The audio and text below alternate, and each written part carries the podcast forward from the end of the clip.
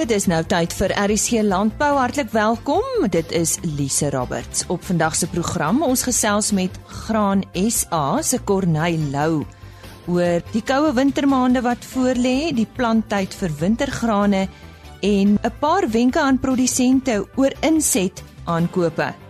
En ons praat met Dr Charlie Reinhardt oor plante en stres. Ja, jy weet, ons plante ly ook onder stres. Eers op die program vanoggend sluit ons aan by Jolandi Rood met ons nuutste wolpryse wat behaal is by veilinge in Port Elizabeth. Die 30ste veiling van die 2018-2019 wolseisoen het plaasgevind met 'n aanbod van 9220 bale waarvan 86,5% verkoop is. Die mark het met 1,7%, dit wil sê 342 punte verswak tot 'n waarde van R202.42 per kilogram vir skoon wol met die Cape Wools alle wol aanwyser wat 1,7% laer gesluit het. Die Australiese EMI het met 0,2% gedaal. Die rand was 1,4% sterker teen die Amerikaanse dollar en 0,8% teenoor die euro vergeleke met die vorige veiling. Die mark het met 0,3% verswak in Amerikaanse dollar terme. Die wolmark het vandag aansienlik goed vertoon in aggenome die voorgesette moeilike handelsomstandighede. Goeie kwaliteit lang merino vlagvagte het prysvlakke gehou terwyl kort en medium wol weer eens onder die druk was met 'n daling van tot 7%. Die aanbieding het ook uit 'n groot hoeveelheid medium lengte wol bestaan. Die grootste kopers op die veiling was Modiano SA met 3075 bale, Standard Wool SA met 2954 bale, Tianyu SA met 1147 bale en Lempriere SA met 263 bale. Die gemiddelde skoonwolpryse vir die seleksie binne die verskillende mikronkategorieë goeie langkamwoltipes was as volg: 18,0 mikron daal met 2,8% en sluit op R228,09 per kilogram. 18,5 mikron neem af met 0,2% en sluit op R224,97 per kilogram. 19 mikron verlaag met 0,6% en sluit teen R220,95 per kilogram. 19,5 mikron verswak met 0,2% en sluit op R217,80 per kilogram. 20 mikron is 0,7% af en sluit op R214,88 per kilogram. 20,5 mikron is 1,6% hoër en sluit op R215,42 per kilogram. 21,0 mikron versterk met 0,6% en sluit op R213,07 per kilogram. 21,5 mikron het 1,0% toegeneem en sluit op R212,13 per kilogram. 22 mikron styg met 0,4% en sluit op R208,12 per kilogram en 22,5 mikron is 2,3% swakker en sluit op R199,79 per kilogram. Die volgende veiling vind plaas op 9 Mei. Jolandi Rood met die nuutste wolmark verslag. Ons elkeen ken stres en word deurlopend herinner dat dit boonop sleg is vir jou gesondheid. Nou glo dit of nie, maar plante ervaar ook stres alhoewel hulle nie noodwendig vir dieselfde redes of tot dieselfde mate as ons dit aanvoel nie. Nou hierdie stres het ook 'n nadelige effek op plantgesondheid en uh, ons praat met 'n gereelde gas hier op RSC Landbou, Dr. Charlie Reinhardt. Charlie, ja, wat veroorsaak stres in plante? Goeiemôre. Goeiemôre. Uh, stres by plante word veroorsaak deur basies twee groepe faktore. Uh, die een groep is lewend en dit is nou organismes soos insekte en plantsiektes, peste en pla en natuurlik ook onkruid. Uh dis die lewende komponent. En dan is daar natuurlik die nie lewende komponent. Ons praat van abioties, bioties nou die biologiese komponent en dan abioties is faktore soos klimaatsfaktore, temperatuur, vog en uh, onder vog natuurlik droogte toestande, ekstreme toestande en volgens droogte en vloede natuurlik wat ook stresvol op 'n plant kan wees. Ja, basies enige ander nie lewende faktor, onder andere 'n gewassituasie moet ons in ag neem dat onkruiddoders dan ook lid is van die abiotiese of nie lewende groep faktore. Kom ons praat net weer oor daai abiotiese stres op plante. Wat behels dit? Ja, dit is uh, waarmee gewasprodusente te doen het om al wat probeer gewasse produseer is baie bewus van uh die abiotiese faktore, dis klimaatsfaktore, temperatuur, uiterste temperatuur, hoog of laag en natuurlik ook uh, water, reënval te min en te veel. Uh, dit is die belangrikste abiotiese stresfaktore waarmee gewasprodusente rekening moet hou. En dan uh, is daar natuurlik uh, ander uh, produksiepraktyke wat ook stres kan teweegbring. En een daarvan is byvoorbeeld die gebruik van onkruiddoders in 'n gewasproduksie situasie. Dit is altyd versigtig wees want onthou onkruiddoders is eintlik plantdoders. En ons moet verseker dat die gewas veilig bly en nie die onkruid beskadig word deur onkruiddoders. Johnny, maar hoe beskadig onkruiddoders die ontwikkeling van sekere plante? Eh uh, Lise natuurlik vanuit die aard van hulle naam en die rede hoekom hulle op die mark is, is onkruiddoders bestem om onkruide dood te maak. Uh maar nou moet ons in ag neem hulle is in wese plantdoders. Met ander woorde, as jy 'n onkruiddoder in 'n gewasproduksie situasie gebruik, moet jy altyd in ag neem die veiligheid van die gewas. En dit is eintlik wonderlik hoe dit dan kan wees dat ons 'n plantdoder kan gebruik en die gewas is veilig, maar die onkruid in die teenwoordigheid van die gewas uh, word so ernstig beskadig dat dit self doodgaan.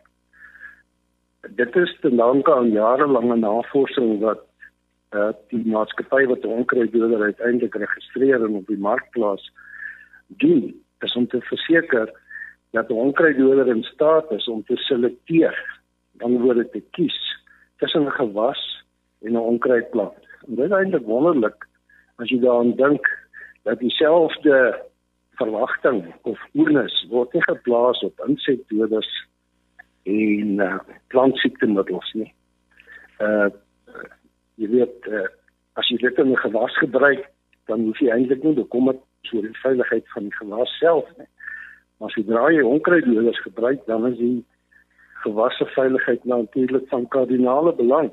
En die rede hoekom die gewas in staat is om onkruiddoder te weerstaan en 'n onkruid nie, is in meeste gevalle baseer daarop dat die gewasplant is in staat om die onkruiddoder vinniger in die plantstelsel af te breek as wat die onkruid in staat is om te doen.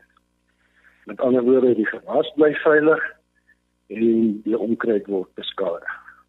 Maar nou is daar uh, baie keer gevalle waar omgewingsfaktore wat ongunstig is vir 'n gewasse ontwikkeling wat stres plaas op 'n gewasse ontwikkeling wat dan maak dat die gewas nie in staat is om die onkruiddoder vinnig genoeg af te breek in sy stelsel nie en dan lei die gewas as gevolg daarvan skade. Nou wat gebeur tipies met plante wat deur onkruiddoders seer gemaak is? Hoe herstel hulle? Ja, die die herstel of kom ons sê eers die uh, effek wat 'n onkruiddoder op 'n plant het is begin en eindig amper by dosis, die konsentrasie waarin die plant blootgestel is. En natuurlik hoe die konsentrasie is wat binne in die plant teenwoordig is, die beter is die kans dat daardie plant dan skade sal ly as gevolg van die konsentrasie. En dit is dan nou wat gebeur by ekstreme klimaatstoestande byvoorbeeld, uh koue toestande of ekstreem warm warm toestande droogte toestande of vloedtoestande wanneer 'n plant onder stres verkeer. Maar ander die energievlakke van die plant word getap onder daardie toestande en dan het daardie plant eenvoudig nie die energie om die onkruiddoder effektief te metaboliseer of af te breek nie. En ek praat nou van die gewasplant. En in sulke situasies dan lei die gewasplant skade omdat daar eenvoudig 'n te hoë konsentrasie van die onkruiddoder in die plantstelsel opbou. Is uh, sekere gewasse meer vatbaar hiervoor as ander? Ja, definitief. Daar is groot verskille in gewasse se uh, gevoeligheid teenoor verskille uh, bepaalde onkruiddoder byvoorbeeld. Dit is hoekom ons kry dat in 'n gewas en 'n mielies sal jy 'n reeks produkte hê wat heeltemal verskillend is van die reeks onkruiddoder produkte wat in sojabone geregistreer is. En dit suiwer daarop gebaseer dat die gevoeligheid van die twee gewasse uh heeltemal verskil teenoor die onkruiddoders wat besprake is. En dan uh, gaan dit so fyn dat die mense eintlik ook uh verskillende gevoeligheid tussen kultivars kry. So binne 'n bepaalde gewas, sê nou maar mielies, dan kan dit wees dan sekere kultivars groter gevoeligheid teenoor 'n sekere onkruiddoder het as ander kultivars en baie keer word hierdie uitsonderings uh, word dan vermeld op die etiket van 'n onkruiddoder en mense moet baie versigtig wees dat jy nie sulke aanbevelings uh, ignoreer nie. Nou, watter tipe onkruiddoders is gewoonlik die sonnebokke? Ja, ehm uh, soos ek gesê het, enige onkruiddoder wat in 'n gewassituasie gebruik word, het eintlik die inherente vermoë om 'n gewas te beskadig.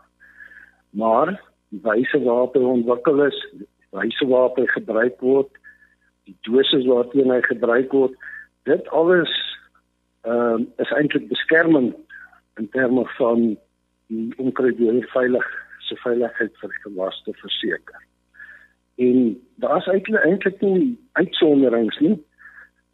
Ehm um, die basiese beginsels geld vir alle onkruid onkruiddoders. Maar natuurlik in uiterste gevalle kan ons uh, noem as jy nou byvoorbeeld onkruiddoders het wat jy nou in 'n nie gewas situasie sou gebruik. Sê nou maar om bome uh dood te maak in 'n natuurlike veldsituasie uh, dan moet jy natuurlik besef dat as jy met so 'n onkruiddoder naby 'n gewasland kom, dan is moeilikheid jou voorland want heel waarskynlik sal die gewas hoegenaamd geen weerstand teen so tipe onkruiddoder hê nie.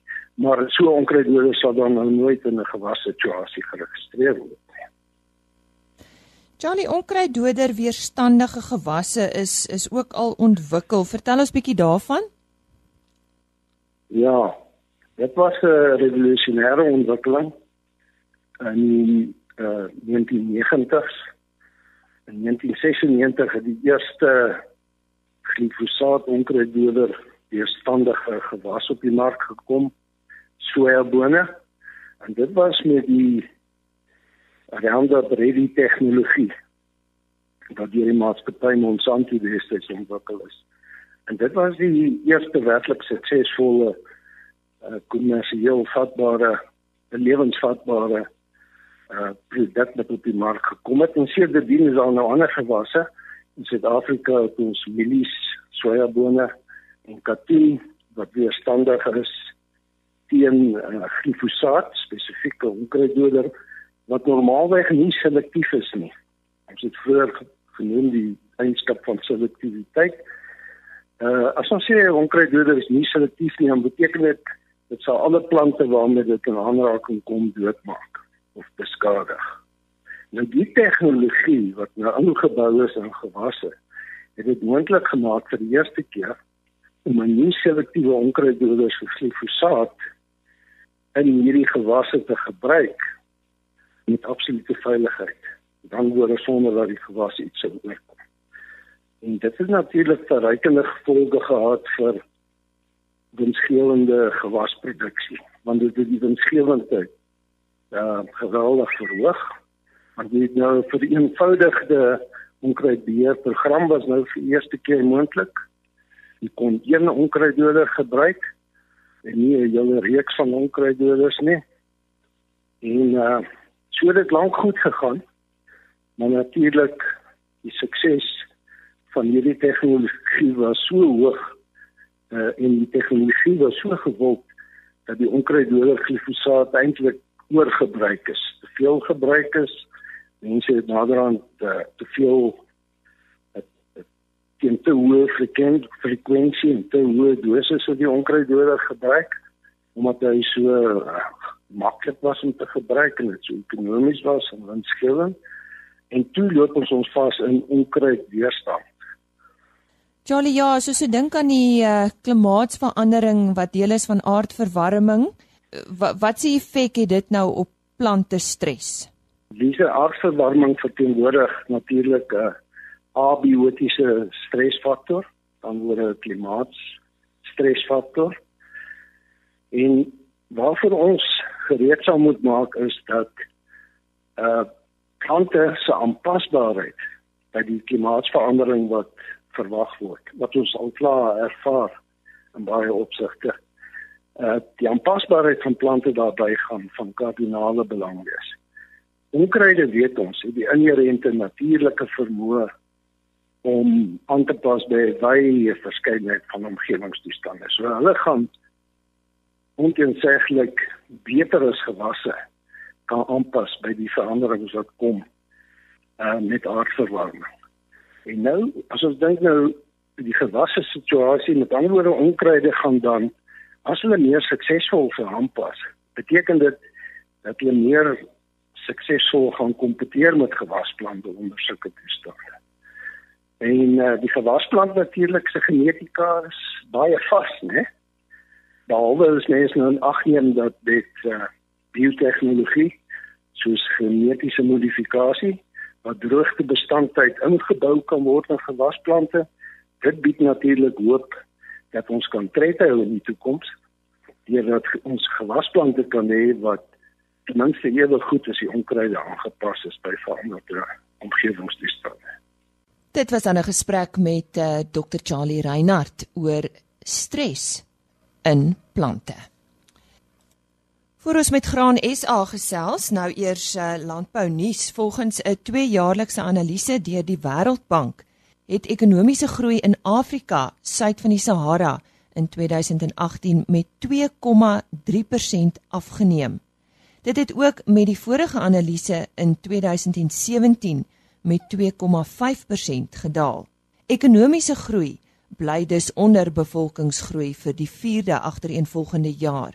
Nigerië se ekonomiese groei het verlede jaar 1,9% behaal. Dit is merklik meer as die 0,8% in 2017 en weerspieël 'n effense herstel in die land se ekonomie. Suid-Afrika het in die 3de kwartaal van verlede jaar uit 'n resessie gekom en ekonomiese groei het gedurende 2018 met 0,8% afgeneem. Hierdie afname is hoofsaaklik as gevolg van heersende beleidsonsekerheid. Angola, die derde grootste ekonomie in die, in die streek, het in 'n resessie gebly. Die kouer wintermaande en die planttyd vir wintergrane is uh, natuurlik om die draai en Corneil Lou van Graan SA het vir produsente 'n paar wenke oor waarna om op te let wanneer hulle insette aankoop en gebruik. Nou Corneille, wat sal jy sê is die goue reël vir produsente as dit by inset aankope kom? Lise, ek dink daar's 'n paar goue reëls. Die die eerste en die belangrikste een sal ek sê is dat 'n produsent moet seker maak dat die inset verskaffer 'n erkende maatskappy is met 'n bewese rekord. Ons sien jaarliks uh die gebruik van ongetoetste insetmiddels en die aankoop van insetmiddels by onbekende verspreiders stel produsente geweldig bloot aan aan aan risiko's in terme van kwaliteit en insette wat nie deeglik getoets is nie. Dan verder ehm um, sou ek aanbeveel dat produsente moet sorg dat alle aanbevelings sover moontlik op skrift uh gestel moet word. Dit gee maar net daai ekstra verwysing agterna sou daar iets verkeerd loop. Dan hou rekord van alle aankope gaan die kwaliteit van insette na. Daar's daar's verskeie maniere hoe produsente die kwaliteit kan nagaan. By saad kan jy die kiemingsverslae ehm um, aanvra. Ehm um, jy kan self jou diesel deesdae laat toets teen teen 'n geringe koste as jy dit nou vergelyk met met wat die groot koste is wat jy deesdae aangaan met met jou insette. Dan verder gee dit ekstra gemoedsrus as 'n produsent by 'n maatskappy aankoop uh wat 'n lid is van 'n sambreel organisasie. So byvoorbeeld uh saad moet die saad uh, saadmaatskappy by Samsor lid wees, by Kunsmis, Vertasa, by Landbou Chemikalie, Crop Life en dan Landbou Masjinerie by by Salma. So ehm um, dit gee net daai ekstra gemoedsrus om te weet sou daar iets uh skeefloop ehm um, weet jy daarom die maatskappy is 'n erkende maatskappy en hy's ook deel van 'n georganiseerde struktuur. Watter raad het jy vir produsente wat nuwe produkte op die mark wil gebruik? Wel, dit gebeur baie. Ehm um, ek ek dink die belangrikste raad is hierso moet nooit 'n nuwe produk op groot skaal gebruik om om eh, strookproewe met met nuwe middels of kultivars te doen dink ek is die beste manier om sodoende te bepaal of of die inset uh wel op jou plaas werk. En hiervoor is is kontrole persele dink ek verskriklik belangrik want jy moet dit teen teen iets kan vergelyk. En dan wat ook belangrik is met 'n nuwe ding is maak seker dat die produk geregistreer is onder die toepaslike wetgewing van die land. 'n Mens uh, beplan nooit daarvoor nie, maar watter raad het jy vir produsente wat probleme met hulle insette ervaar? Felise, ja, dis 'n dis 'n moeilike ene, maar wanneer probleme met die kwaliteit van 'n inset vermoed of ondervind word, ehm uh, moet produsente eintlik so gou as moontlik die volgende stappe volg.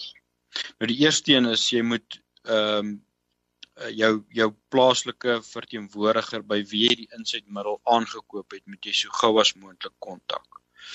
Ehm um, en dring daarop aan dat hy 'n ter plaase ondersoek doen. En dan moet jy maar rekord hou van die datums en gesprekke want ek meen jy weet nooit wat wat nou na die tyd met die probleem kan gebeur nie. Versamel en stel soveel moontlik inligting op skrif neem fotos of maak video-opnames om om later dan na terug te verwys. Nou gewoonlik uh, Lise word meeste van die die probleme alreeds op hierdie vlak uh, uitgesorteer. Maar sou dit nou nie uitgesorteer word nie en daar daar bestaan basiese of ontstaan basiese 'n dispuut dan moet uh produsente so gou as moontlik ehm um, as dit lede van Granisa is, ons in kennis stel. Ons ons kan dan in kontak met die maatskappy kom en saam kan ons dan om 'n tafel sit om te kyk of ons nie hierdie dispuut of probleem ehm um, op 'n goeie manier kan uitsort nie. En baie keer is dit ook goed en wys om in verbinding te tree met 'n onafhanklike wetenskaplike om ook 'n ter plaatse ondersoek te doen om te kyk ehm um, wat die probleem werklik is. Ons gesels so 'n bietjie oor insetpryse die afgelope jaar. Uh wat het met hierdie pryse gebeur? Dis as ons kyk na saad oor oor jaar oor jaar tydperk het ons praat nou oor wintergrane spesifiek oor jaar tydperk het canola saadpryse basies ehm um, onveranderd gebly koringsaadpryse het so gemiddeld 6.5% uh, toegeneem en garsaadpryse so 5%. Dan na kunsmis ehm um, afhangende van die grondstof waarna ons kyk, het dit so tussen 2 en 15% gestyg teenoor verlede jaar. Ehm um, iets soos urium het het byvoorbeeld uh, 15% jaar op jaar toegeneem terwyl die ander dan nou nie uh so so skerp toename gehad het nie. Landbouchemikalie is altyd 'n moeilike een en vir die Kaapse boere is dit maar ons grootste inset. Ehm um, sywaartse en minimale stygings het ons uh, gesien in onkruiddoders jaar op jaar. Ehm um, weer eens dit dit hang af van of jy by 'n generiese maatskappy aankoop of 'n of 'n ehm um, multinasjonale maatskappye soos wat ons dit noem. As jy kyk na insekdoders, is daar weer geweldige stygings wat hier en daar kan deurkom as as gevolg van internasionale prysstygings veral in China. En dan die groot een is is brandstof. Uh die brandstofprys, uh die groothandelsprys van van diesel op hierdie stadium is 17% hoër as verlede jaar dieselfde tyd. En hoe het hierdie uh, prysverhogings oor die algemeen 'n uh, invloed gehad op ons boere se winsgewendheid, uh, Corneil? Dis ja, ek dink dis van selfsprekend. Ehm um, met insetpryse wat so bly toeneem, plaas dit die winsgewendheid van wintergrane onder geweldige druk. Die marges is klein. Ehm um, jou die jou jou verskil tussen wins en verlies is so klein dat 'n produsent eintlik nie kan bekostig dat daar iets met verkeerd gaan nie. Dit die die die reën moet regkom. Ehm um, jou jou inset bestuur en jou jou insetkoste en jou insetkwaliteit moet daar nie iets mee verkeerd gaan nie. So ehm um, ek sou sê dit is dis dis nogal op 'n mespunt. Produsente moet regtig hulle hulle inset aankope baie goed uh bestuur hierdie seisoen om seker te maak dat hulle wel hulle hulle kostes wat hulle aangaan kan dek. Nou ja, sê baie dankie aan uh, Corneil Lou. Hy is uh, senior ekonom by uh, Graan Suid-Afrika en hy het met boere gesels oor insetpryse, hoe om dit te bestuur en waarna om uit te kyk veral as uh, jy van uh, verskeie nuwe verskaffers gebruik maak. Kyk gerus môreoggend weer saam met ons vir RSG Landbou net so skuins na 05:30. Tot môre dan. Totsiens. RSG Landbou is 'n produksie van Plaas Media. Produksieregisseur Henny Maas. Aanbieding Lisa Roberts. En inhoudskoördineerder Jolandi Root.